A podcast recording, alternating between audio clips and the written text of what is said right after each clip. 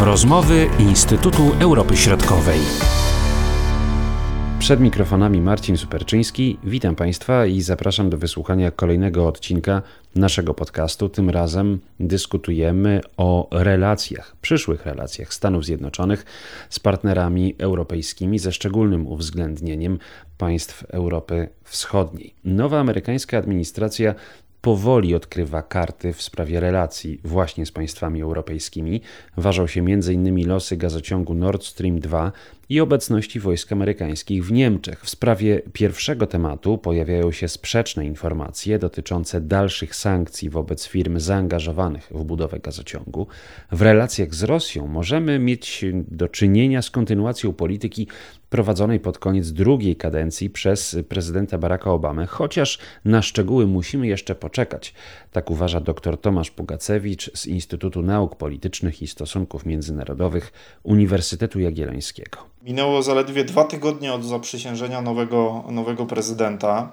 Nie obsadzono jeszcze wszystkich ważnych stanowisk e, w poszczególnych ministerstwach odpowiadających za szeroko rozumianą politykę zagraniczną. W wielu ministerstwach i także na samym poziomie Urzędu Białego Domu uruchomiono przeglądy pewnych dotychczasowych podejmowanych przez administrację e, prezydenta Donalda Trumpa działań, to kształtowanie polityki zagranicznej nowego prezydenta jest także utrudnione blokowaniem e, przekazywania władzy przez, przez poprzednika, a to wszystko jeszcze musi mieć z tyłu głowy, dzieje się w sytuacji, w której administracja Bidena obejmuje urząd, nie myśląc w pierwszych kategoriach o tym, e, co ma zrobić w polityce zagranicznej, tylko tylko o kryzysach wewnętrznych dotyczących kryzysu zdrowotnego, kryzysu gospodarczego, konfliktów rasowych, a także delegitymizacji e, instytucji władzy państwowej jak kongres czy prezydent, bo już dzisiaj wiemy z badań, że około 1 czwarta amerykańskich wyborców uważa, że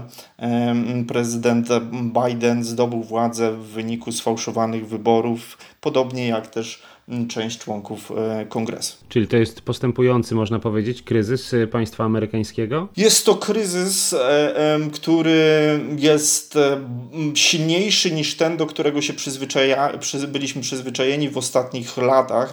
Natomiast ja, przyglądając się temu od dłuższego czasu, mam wrażenie, że to jest po prostu przedłożenie trendów nasilających się już wcześniej. I chociaż wiele osób uważa, że to, co się wydarzyło 6 stycznia, czyli tak zwany szturm na wzgórze kapitolińskie było pewną kulminacją tego i że nastroje jakby i też elity polityczne zrozumiały, że, że wtedy przekroczono pewną granicę. Ja należę do grupy osób, które chciałyby, żeby tak było z, z perspektywy interesów państwa polskiego, ale nie mam takiej pewności, czy e, zawróciliśmy z tej, z tej antygonizowania się e, obu stron sporów politycznych w Stanach Zjednoczonych i przed nami może może być jeszcze o wiele większa radykalizacja, która przynosi wspomnienie wydarzeń z lat 70., czy jeszcze wcześniej 60., kiedy dochodziło do zabójstw na tle politycznym. Skoro Ameryka będzie się koncentrować no, przede wszystkim na tych problemach wewnętrznych, co się będzie działo y, z tymi problemami w naszej części Europy, czyli relacje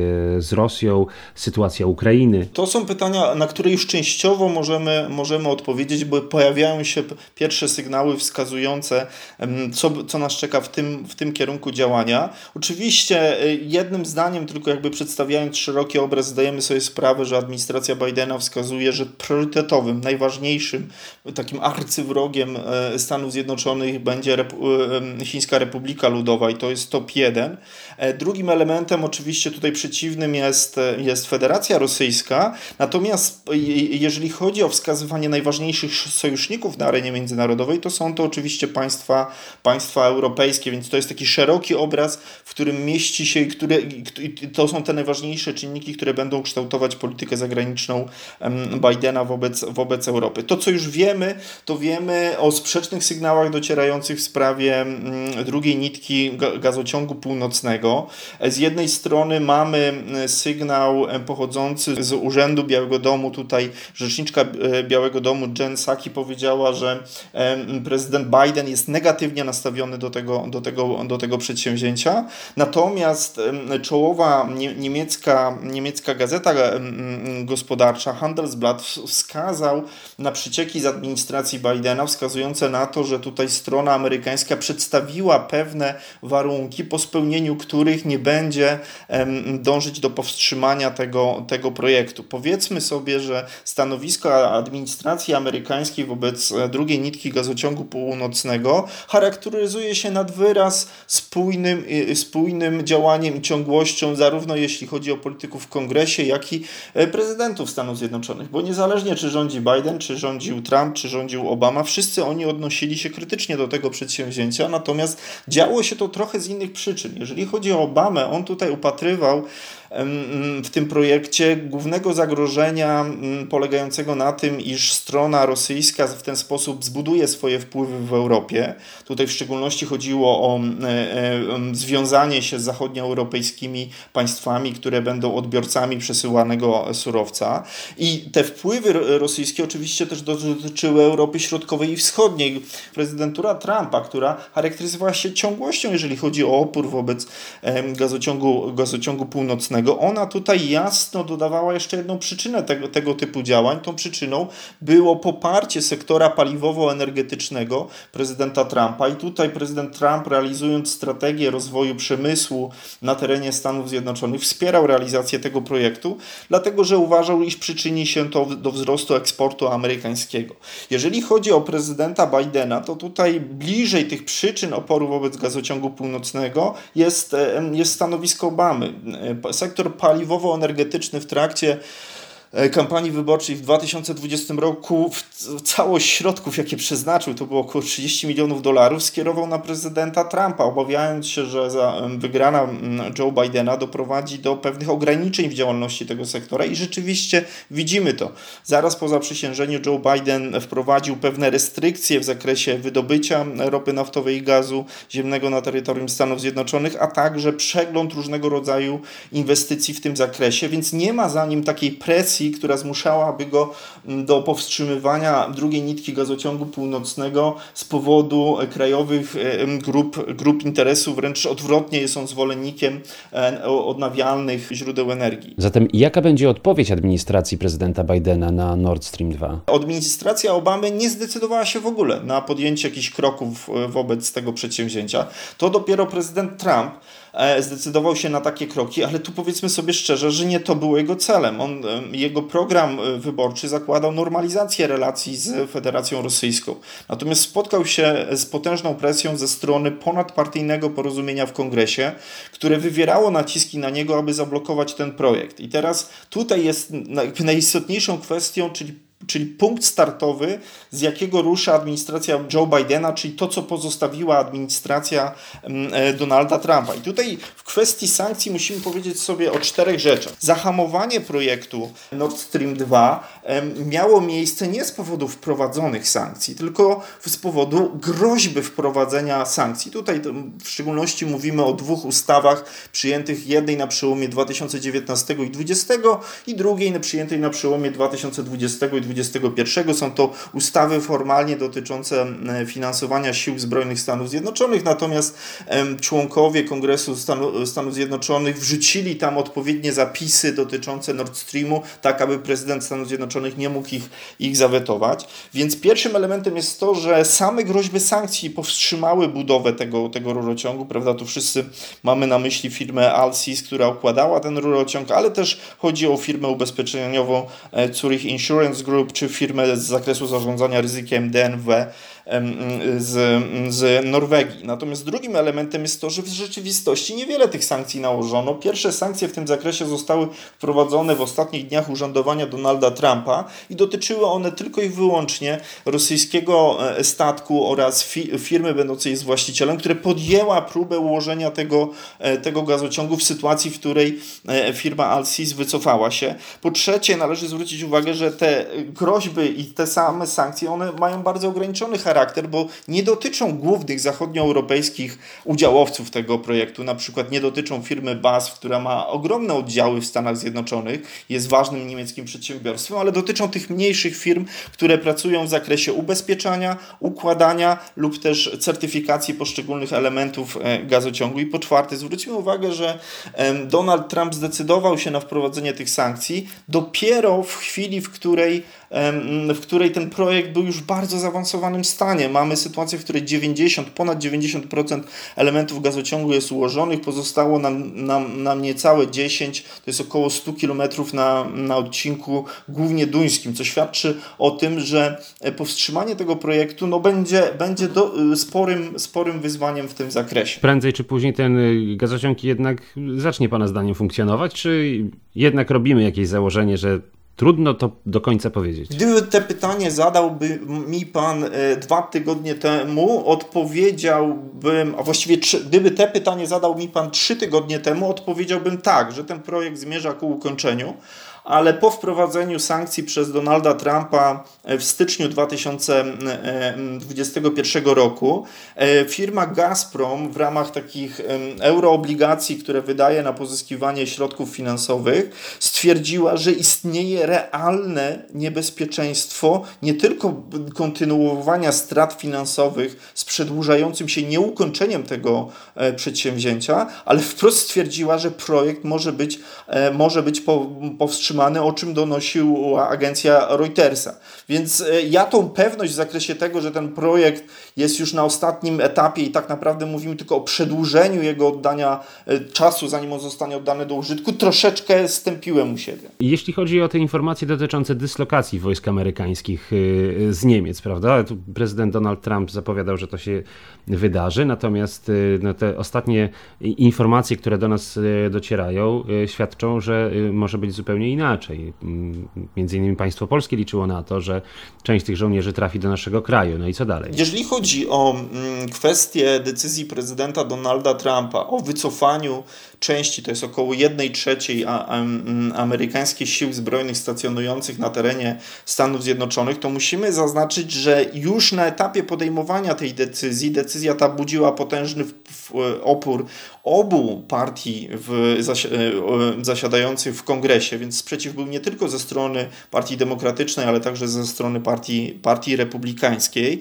Był też to sam sprzeciw ze strony wojskowych, którzy opóźniali przeprowadzenie analizy pod tym kątem i tutaj wiemy, że prezydent Donald Trump musiał wręcz wymusić na Departamencie Obrony podjęcie takiej, a nie innej, a innej decyzji.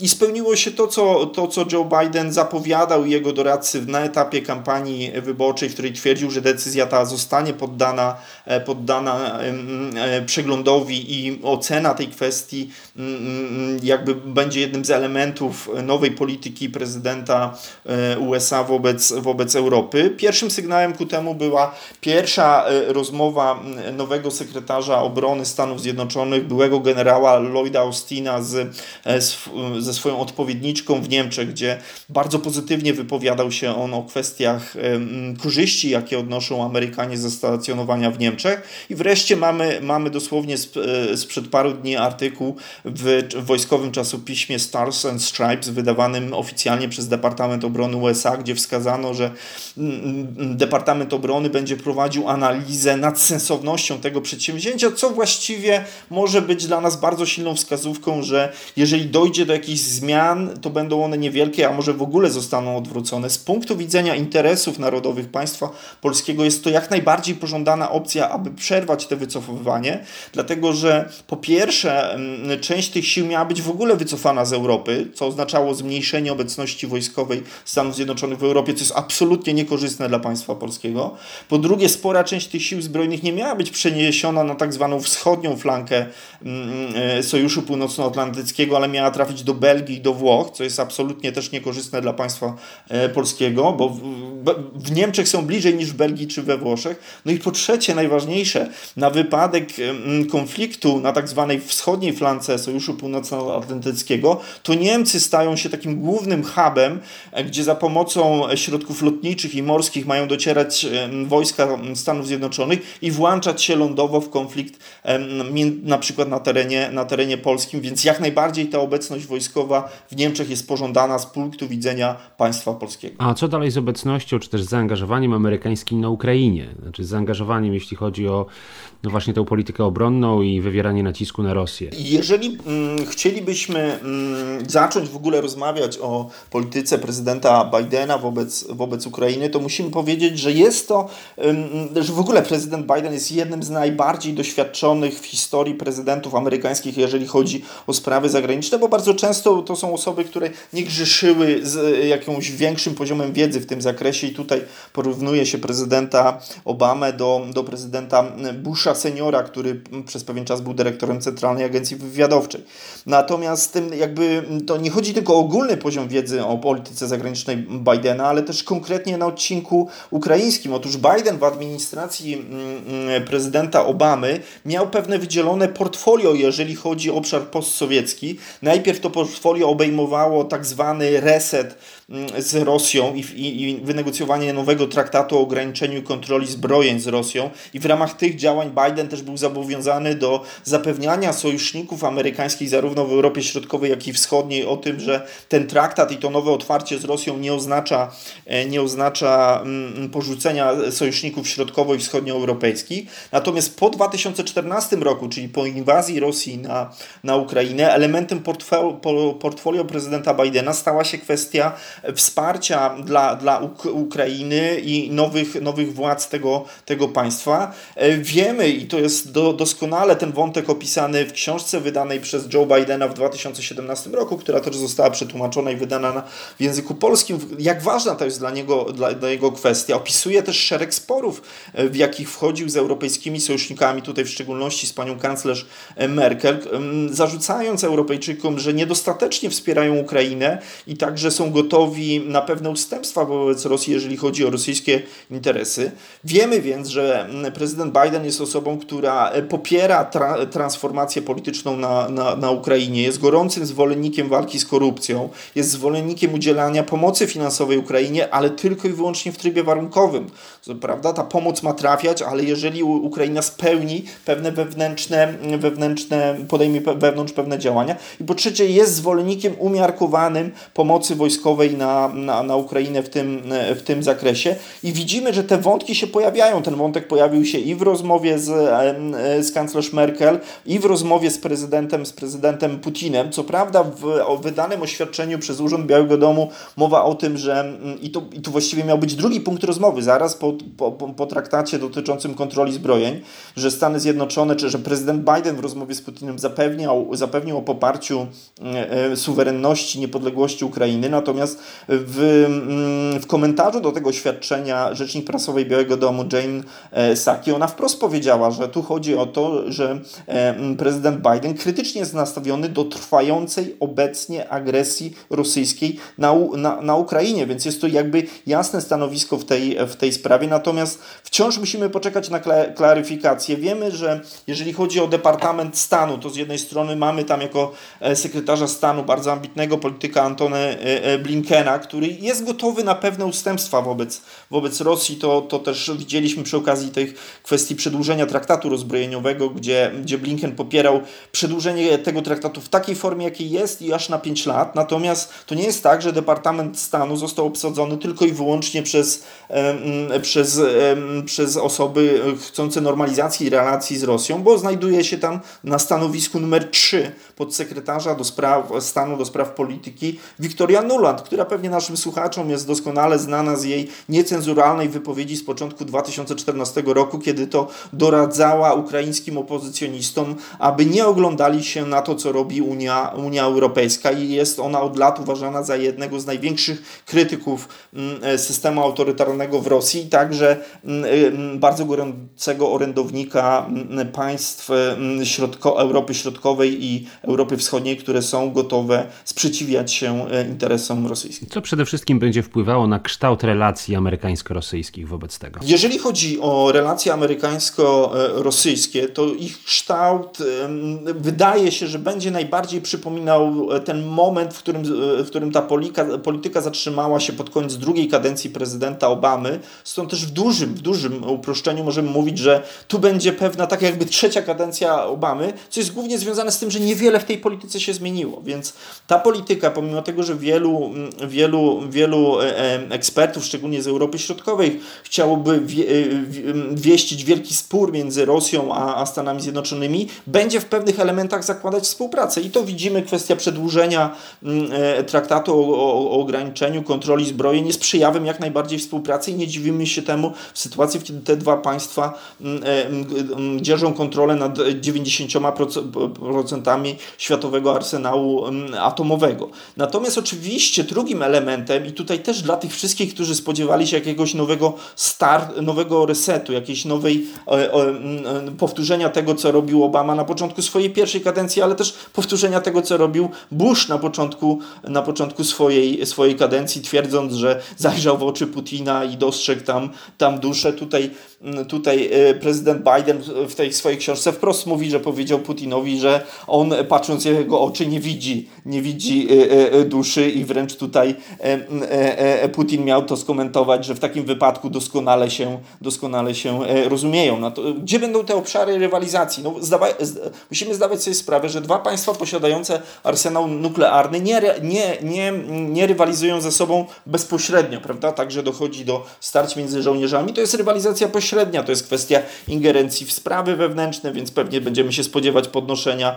e, podnoszenie łamania praw człowieka przez, przez Rosję e, i to o tym, i to już widzimy sygnały w tą stronę, a z drugiej strony pewnie dalej będą kontynuowane różnego rodzaju operacje wywiadowcze strony rosyjskiej na terenie Stanów Zjednoczonych. Będziemy widzieć wojnę wywiadów, prawda? To jest też taki klasyczny zimnowojenny element rywalizacji mocarstw, które nie mogą wypowiedzieć sobie wojny, ale mogą wykorzystywać aparat wywiadowczy do szkodzenia sobie, czy też pozyskiwania tutaj kluczowych informacji. I trzecim elementem to jest klasycznym, to jest rywalizacja w państwach trzecich, prawda? I tutaj mm, e, spodziewamy się tego sporu na terenie Ukrainy dalej trwającego, gdzie obie strony będą popierać przeciwników wojny, wojny domowej, e, czy też, na, czy też w Syrii, czy też, czy też w Libii. Mówił dr Tomasz Pugacewicz z Instytutu Nauk Politycznych i Stosunków Międzynarodowych Uniwersytetu Jagiellońskiego. Ja się nazywam Marcin Superczyński. Do usłyszenia.